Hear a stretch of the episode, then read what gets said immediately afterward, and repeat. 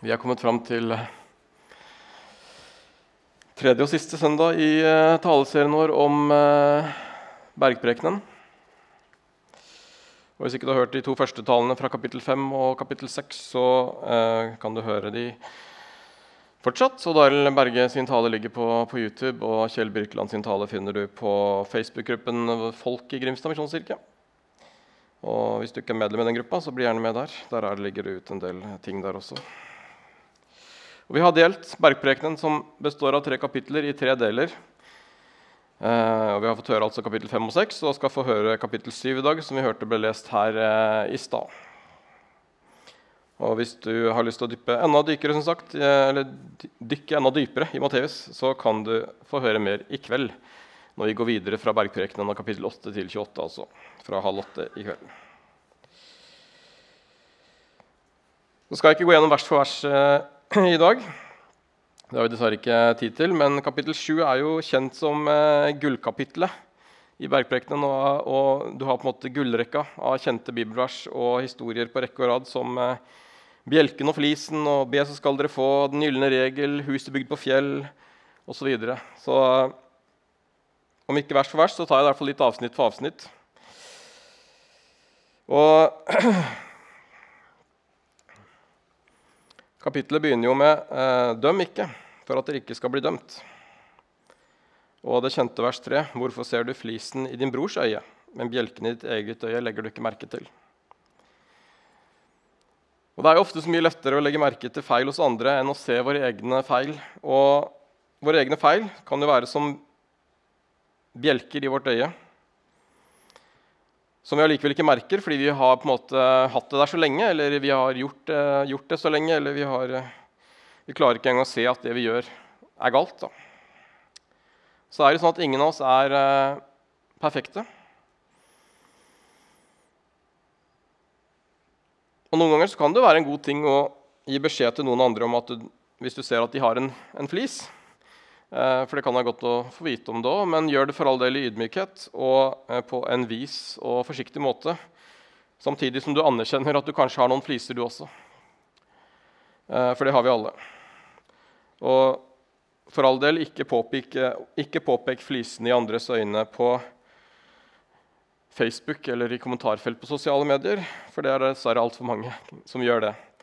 Fordi det er enkelt, det er kjapt, og man kan gi respons på en lettere måte uten å se noen i øynene, men det er nok ikke alltid dessverre en god ting likevel. Og fører ofte ikke så til så mye godt. Men jeg pleier å si at en god tommelfingerregel er jo nettopp å ikke skrive noe i sosiale medier som du ikke kunne sagt til noen ansikt til ansikt. Også gjør jeg feil der sjøl iblant òg, så jeg, jeg, ser de flisene jeg, jeg har selv der i, på Facebook noen ganger. Kan bli lett å bli engasjert, men det er noe vi kan eh, strekke oss mot og strebe etter. Og så tenker jeg at Det er en god ting for oss å spørre andre iblant, som vi har rundt oss, som vi stoler på, folk vi er trygge på. Ser du noen fliser i mitt øye? Altså Er det ting du ser som jeg eh, ikke ser sjøl, kanskje? Eller ting jeg kunne gjort noe med? For det er ikke alltid vi gjør det. Vi kan ha våre blindsoner alle sammen. Både i, eh, i relasjoner til andre, i ekteskapet, i familien. Eh, og det kan være ting vi ikke ser alltid, selv om vi gjerne skulle ønske at vi så det. Da kan vi heller hjelpe hverandre på en ydmyk måte og be om hjelp. Eh, veilede hverandre til mindre fliser, men uten at vi tror at vi selv er perfekte.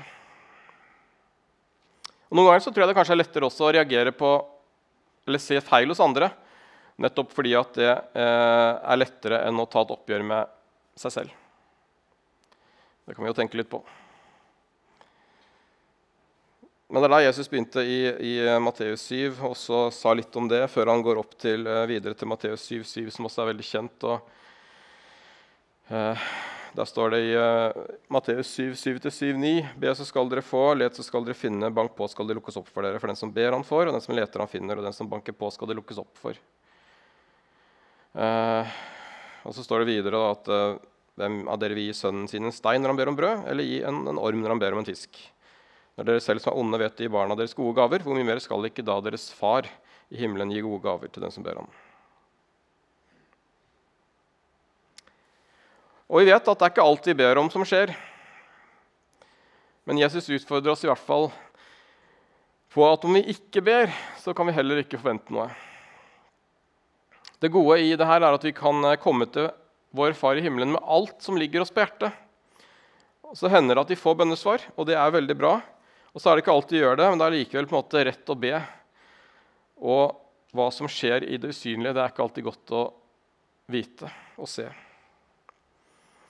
Men som det står også, hvis min, min datter kommer og spør meg om brød, så gir jeg henne ikke en stein. Da gir jeg henne brød fordi hun er sulten. Det er noe annet. Det er ikke alltid hun har lyst på brød.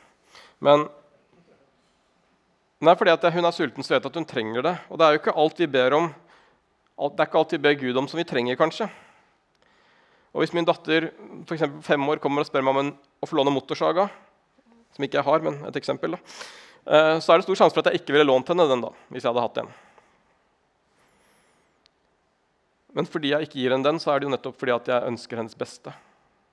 Så det er ikke sånn at Fordi jeg ikke gir henne, så ønsker jeg ikke henne godt, noe godt. Men jeg ønsker henne det beste, og derfor sier jeg henne ikke en motorsag. For jeg vet at det kanskje ikke er det beste for henne akkurat der og da.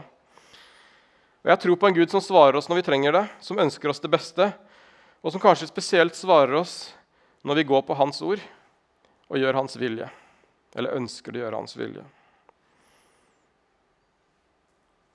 Og I kapittel 6 som vi hadde sist gang, så står det jo at når Jesus lærer disiplene å be, så står det når dere ber, skal dere ikke ramse opp ord slik hedningene gjør. De tror de blir bønnhørt ved å bruke mange ord. Og så forteller han, eh, så forteller han de Herrens bønn, da, Fader vår, istedenfor. Det er ikke hvor mange ord de bruker, som er viktig, men hjertet som ligger bak. Og den tilliten viser når vi kommer til Gud i bønn. Og det er alltid en god ting.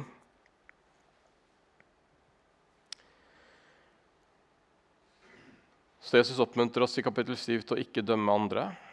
Vær forsiktig med det. Til å komme til Gud med alt. Og så fortsetter han med nestekjærlighet i 7.12. Eh, For han sier at alt dere vil at andre skal gjøre mot dere, skal også dere gjøre mot dem. For dette er loven og profetene i en sum. Og det er jo ofte kalt den gylne regel. En god ting å leve etter, en god leveregel. Den løftes ofte opp også i etikklæren. At vi vil, det vi vil at andre skal gjøre mot oss, må også vi gjøre mot dem.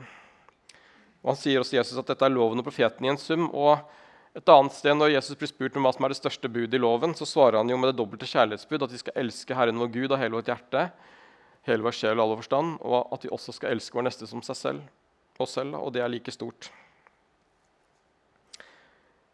Og Her oppsummerer også på en måte Jesus loven gjennom nestekjærligheten, hvor han sier at eh, det du vil at andre skal gjøre mot dere skal også dere gjøre mot dem.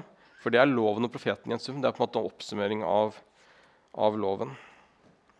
Og Noen mener her at Jesus peker tilbake på bergprekenen 5.17, på en måte som regnes som starten av Jesu etikklære i bergprekenen. For da sa Jesus tro ikke at jeg er kommet for å oppheve loven eller profetene. Jeg er ikke kommet for å oppheve, men for å oppfylle. Så han opphever ikke loven, men han kommer med en del nestekjærlighetsbud. Og så oppsummerer han med at det å gjøre mot andre, det dere vil at andre skal gjøre mot dere, det er på en måte loven og profeten i en sum. Så han oppsummerer på en måte hva loven handler om. Det handler om hvordan vi skal forholde oss til vår neste. Og det handler om å elske vår neste. Relasjonen til de andre. Jeg tror at vi noen ganger kanskje ikke undervurderer relasjonen til og viktigheten av relasjonen til andre i vår eh, kristne tro. Ofte kan vi fokusere på Guds relasjon, eh, at det er det det handler om å være kristen. Tro på Gud, ha en relasjon til Han. Og så minner Jesus stadig oss om at det handler om noe mer. Det handler også om relasjonen til vår neste. Det handler om relasjonen til de rundt oss. Det er også en viktig del. Og det er like stort og like viktig som relasjonen til Gud. Så Derfor så løfter Jesus opp det mange ganger. Hvordan vi behandler vår neste. Se ikke flisen i din brors øye. Vend det andre kinnet til. Elsk deres fiender. Døm ikke. Alt dette står i bergprekenen. Så han har mye fokus på det bergprekenen, dette med nestekjærligheten. Og så utfordres av Jesus ikke bare til relasjonen til Gud i orden, men også relasjonen til vår neste. Altså vår nabo, vår kollega, vår uvenn. Til og med vår fiende. Utfordres vi på å ha en møte på en god måte. Og Det er ikke alltid lett, men det er det Jesus utfordrer oss på. Er å elske vår neste som oss selv.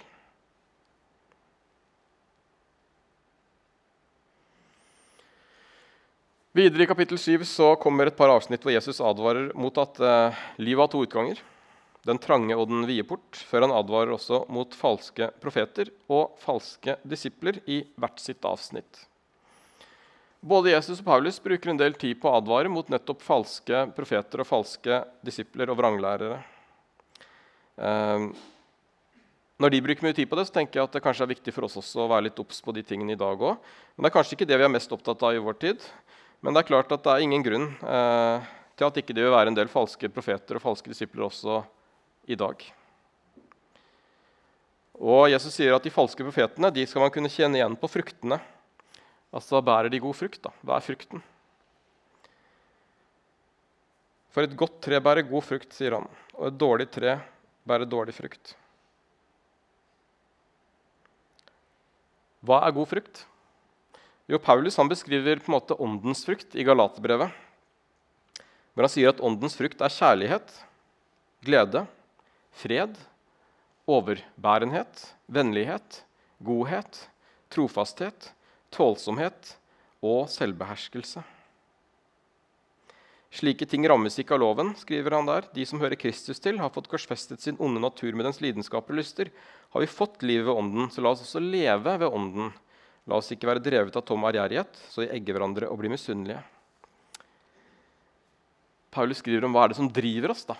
La Ånden drive oss, ikke la ærgjerrigheten drive oss eller andre ting. Og Hvis vi blir drevet av Ånden, så vil vi bære god frukt. Det betyr ikke at vi bærer god frukt hele tiden, at ikke vi ikke kan snuble og gjøre feil og sånn, og gjøre dumme ting. Men det er på en måte fruktene vi kan måle hverandre på.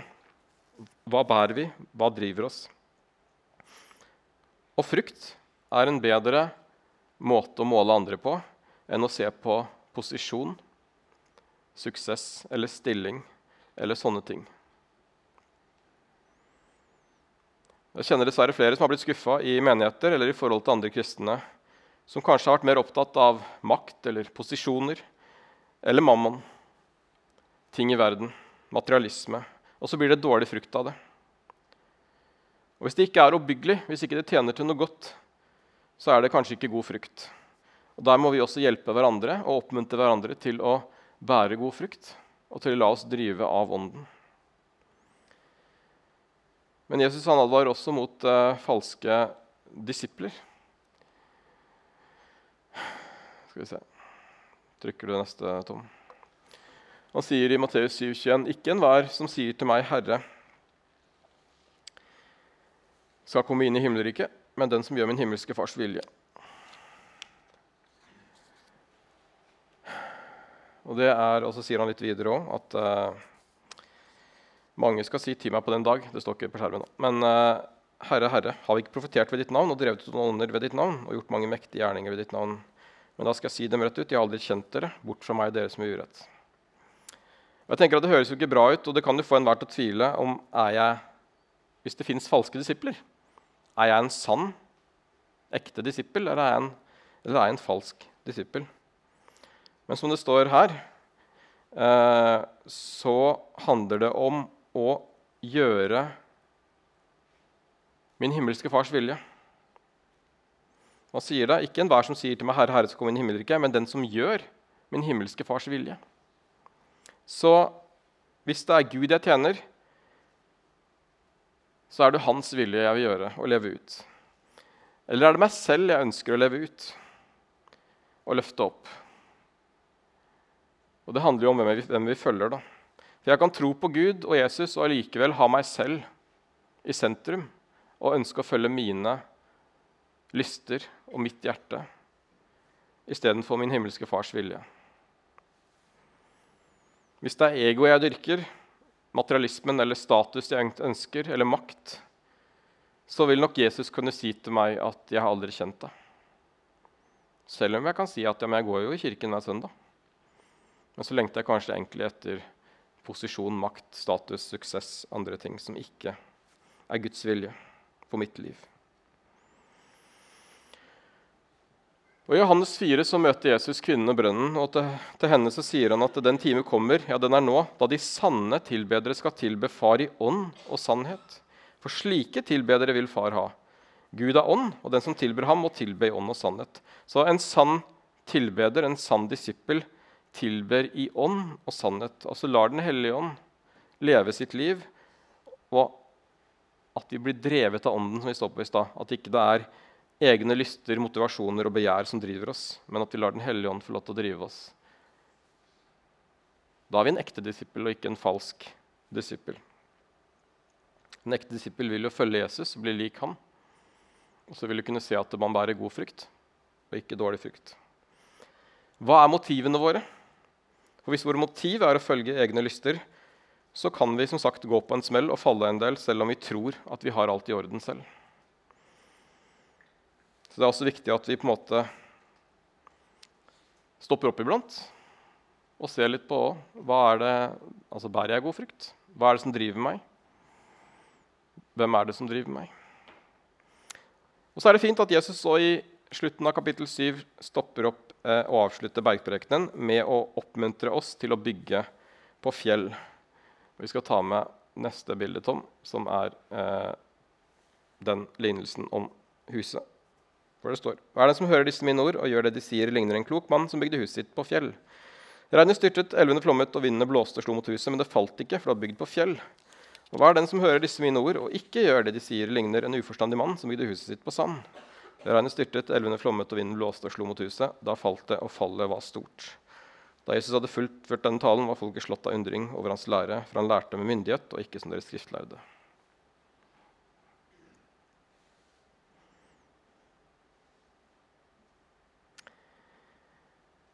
Mange av oss har hørt den lignelsen mange ganger. og ofte når vi hører den, så kan man eh, noen ganger forenkle den litt og si at det på en måte den som, jeg husker for når jeg gikk på søndagsskolen nå, så ble vi lært om denne lignelsen her, at de som, måte, som bygger på Jesus, da, eh, de bygger på fjell. Og de som ikke tror da, eh, på Jesus, de bygger på sand. Eh, men det er ikke det den handler om egentlig. For det, eh, det som er spesielt og veldig tydelig her, er at begge mennene eh, i lignelsen de hører Jesu ord og hans forkynnelse, faktisk. For han sier det. Hva er den som hører disse mine ord? Så begge hører, men han sier at den som hører mine ord og gjør som de sier, det er den som bygger på fjell. Men den som hører mine ord og ikke gjør som de sier, han bygger på sand. Så det handler ikke bare om å høre ordet og ta det til seg eller å tro, men det handler altså om at troen får en praktisk konsekvens i livene våre. Det er å bygge på fjell når forkynnelsen på en måte får en praktisk innvirkning på hvordan vi lever livene våre i hverdagen, og ikke på søndag formiddag. De som bygger på sand, er faktisk de som hører ordet, men ikke gjør som ordet sier. Og Selv om det ofte kan være lett å tenke at vi som tror, vi har bygd på fjell, så kan vi også tørre å spørre oss selv iblant hvilke frukt bærer jeg? For om man ser på det avsnittet vi akkurat så på om falske profeter, så står det at det er på fruktene vi skal kjenne dem. Så bærer vi ikke god frukt, så må vi kanskje tørre å bygge mer på fjell da, enn vi gjør.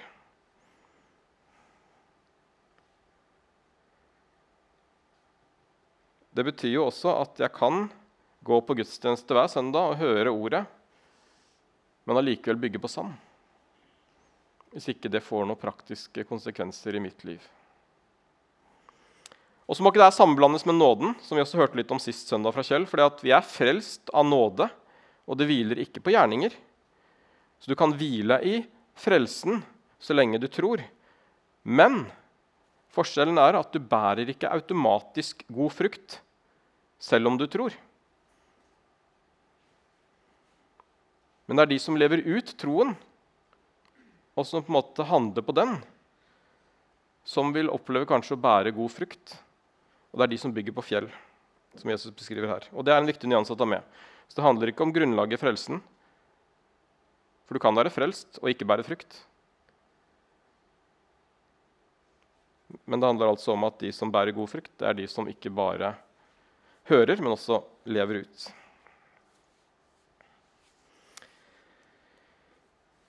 Et annet viktig moment her er jo at Jesus avslutter bergprekenen med denne her, eh, lignelsen her. Og Ofte så blir også denne lignelsen på en måte tatt til inntekt for hvis den bare blitt dratt ut måte, av kontekst. At det her gjelder på en måte alt Jesus sier i alle evangeliene, eller det gjelder på en måte hele Bibelen, Guds ord.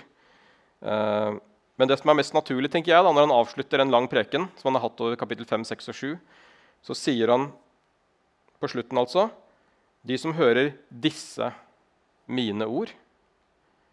Og da tenker jeg at det, det gjelder bergprekenen først og fremst. Det er det Jesus snakker om her. Det er disse tre ting, han akkurat har sagt. Så det er altså bergprekenen han sier at vi skal høre og gjøre ut fra. Og det er altså det som er å bygge på fjell. Det er å på en måte ta bergprekenen på alvor. Og leve det ut. Og Derfor er også bergprekenen viktig. Og Hvis vi ser for oss at Jesus sitter der på berget og underviser disse tre kapitlene, så er det en helt naturlig avslutning òg. At de som hører disse ordene, som jeg har fortalt her på fjellet, og gjør etter dem, de bygger på fjell. De bygger på fjelltalen. Undervisning på fjellet. Fjellgrunn. Berg. Et eller annet. Det er ikke så lett for oss i Grimstad. skjønner Vi har ikke så mange fjell eh, rundt oss. Men jeg har bodd i Bergen. Masse fjell. Vi vet hva det handler om. Det er ikke bare bare, men de er veldig stabile, de fjellene. Så det Jesus sier på slutten, her er på en måte at nå har dere hørt hva jeg har sagt. Gå ut og gjør det. Lev det ut. Det er på en måte sånn Jesus avslutter talen og utfordrer de rundt seg. Og Det fordrer som sagt at vi ikke bare kommer på gudstjeneste og hører, men også lever ut troen i hverdagen. Og Vi har hatt medlemsopptak i dag. Veldig hyggelig. Og til alle som vi har medlemssamtale med, så oppmuntrer vi eh, når man blir en del av fellesskapet vårt, til fire ting. De fire anbefalingene vi har her. som vi sier, Gå regelmessig på gudstjeneste, bli med i en smågruppe, ha en tjeneste, ha en fast givertjeneste. Hvorfor gjør vi det? Jo, fordi vi ønsker å hjelpe alle som kommer inn i vårt fellesskap, til å bygge på fjell. Ikke bare i teoretisk, men også i praksis. Og leve ut troen. Og Det er alltid lettere i fellesskap med andre. Å gå på gudstjeneste det hjelper oss å møte andre, det hjelper oss å høre ordet forkynt. Å være med i en smågruppe det hjelper meg å gå dypere i ordet, som jeg har kanskje hørt om på gudstjenesten, og vi kan få lov til å be og praktisere troen sammen med andre kristne i en mindre fellesskap. Det å ha en tjeneste utformer også til å leve ut troen på ulike måter i praksis. Å ha en givertjeneste hjelper også å løfte blikket fra meg selv og gi til noe som er større enn meg selv. Og det hjelper meg til å motstå mammon og materialisme fordi jeg gir, og det gjør noe med meg. Så ta gjerne kontakt om du vil bli med i en smågruppe eller har lyst til å få en tjeneste eller begynne å gi fast osv så anbefaler vi som sagt disse tingene nettopp for å hjelpe oss til å bygge på fjell og praktisere troen. Et siste moment vi skal ta med oss fra denne lignelsen, det er jo at omstendighetene i lignelsen var jo de samme. Regnet styrtet, elvene flommet, og vinden blåste og slo mot huset. Uansett om det var bygd på fjell eller sand. Så det var ikke sånn at de som bygde på fjell, slapp stormen. Nei, de, de opplevde akkurat samme været. Akkurat samme utfordringer. Og Det viser jo også at vi er ikke lovet problemfrie liv, eller at vi ikke skal møte motgang eller vanskelige perioder i livet selv om vi tror. Men vi er lovet at om vi bygger på ordet og gjør etter det, så vil vi tåle det som blir på en måte kasta mot oss, selv om det kan være tøft. Men som kristne kan vi allikevel bli syke. Vi kan ha tøffe dager på jobben, på skolen, i ekteskapet osv. Og hvis du noen gang har hørt noe annet altså Jeg kaller det som et Kanskje du har møtt en falsk profet. da, Som vi snakka om i stad. For det er ikke bibelsk at vi aldri skal oppleve vonde ting fordi vi tror. Forskjellen er at vi har en Gud vi kan ta med inn i det vonde. og Vi kan legge det vonde på, og så har han lovet at han vil gå med oss når vi kommer til han. I Matteus 11,28 så sier Jesus, 'Kom til meg, du som strever og bærer tunge byrder, og jeg vil gi deg hvile'. Og Det er et løfte vi kan ta med oss. Så å bygge på fjell handler ikke om at alt blir bra. Men det handler om å ta troen på alvor likevel, i det vanskelige.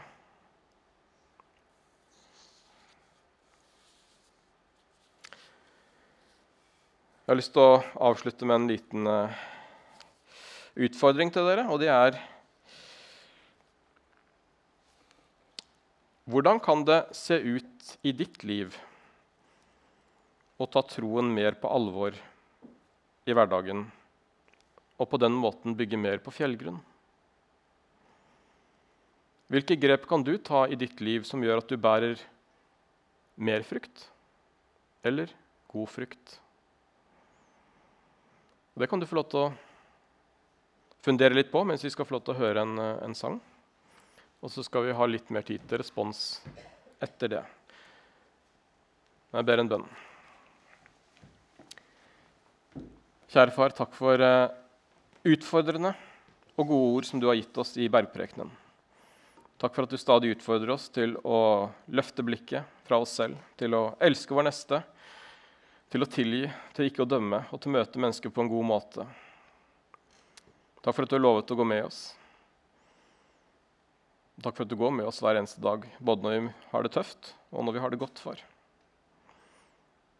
Og du velsigne hver enkelt som er her nå, far. Hjelp oss til å strekke oss etter deg, til å leve ut det du har lært oss, og til å ta det på alvor i hverdagen. Hjelp oss til å bygge på fjell i våre liv. Vi ber om det, far. Velsign den stunden vi har sammen her nå videre. I Jesu navn. Amen.